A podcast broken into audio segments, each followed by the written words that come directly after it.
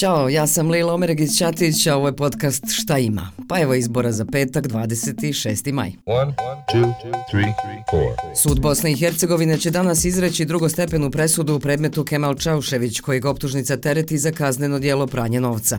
Da bude jasniji, Čaušević je u oktobru prošle godine zbog primanja dara osuđen na pet i po godina zatvora, te je sud naredio da mu se oduzme oko 295.000 eura, pribavljenih izvršenjem krivičnog dijela. Tada je nakon žalbe osuđenog drugostepenog drugostepenom presudom ukinut osuđujući dio presude o pranju novca. Tako da je postupak obnovljen i danas se izriče drugostepena presuda za pranje novca. Čaušević je za vrijeme počinjenog krivičnog dijela bio direktor uprave za indirektno oporezivanje BiH. Jeste li me pratili pažljivo? Ispitaću vas.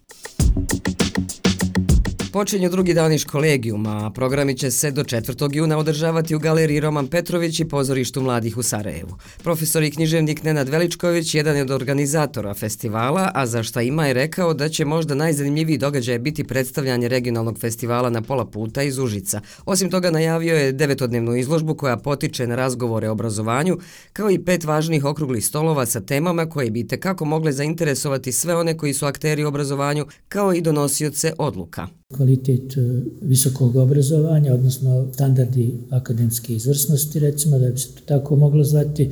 Jedna se tiče nedostatka seksualnog obrazovanja u odgoju, jedna se tiče medija u obrazovanju i obrazovanja u mediju, jedna se bavi mogućim ili potrebnom poboljšanjem, reformom nastave maternjeg jezika i jedna se bavi ulogom religije, odnosno vjeronauke u našem obrazovanju.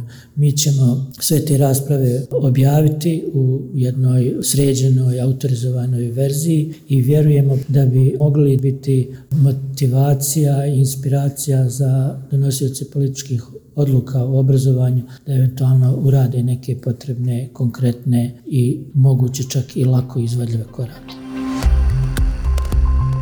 Danas počinje i deseti Šantićev festival djece pjesnika i trajaće do 28. maja u Mostaru, a na njemu će učestovati 30 mladih pjesnika iz Bosne i Hercegovine, Srbije, Sjeverne Makedonije, Slovenije i Crne Gore. Festival se održava povodom obilježavanja godišnjice rođenja velikog mostarskog pjesnika Alekse Šantića, a ove godine je 155. Članica organizacijonog odbora Sabina Maslu.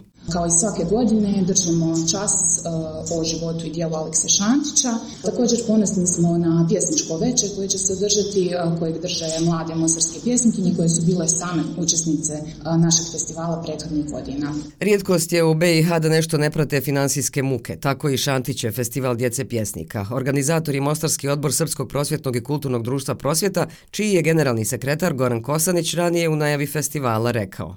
Šaljemo, apliciramo, mora već prosimo, neko prepozna, neko prepozna. Imamo prijatelje koji su nam uspjeli pomoći da obezbijedimo smještaj, da obezbijedimo hranu, međutim, onaj, ono, ono, pravu podršku još uvijek ne dobijamo koliko se nadamo od grada.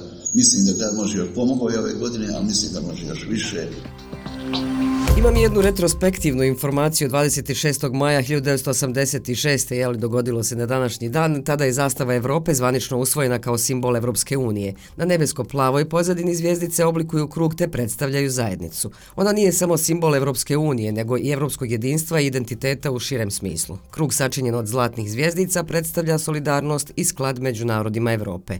Broj zvijezdica međutim ne odgovara broju država članica. Na zastavi ih je 12, a smatra se da je broj 12 tradicionalno simbol savršenstva, potpunosti i jedinstva.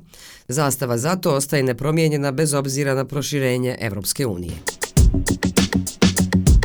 I još nešto, danas se u Sarajevu obilježava svjetski dan menstrualne higijene koji je inače 28. maja.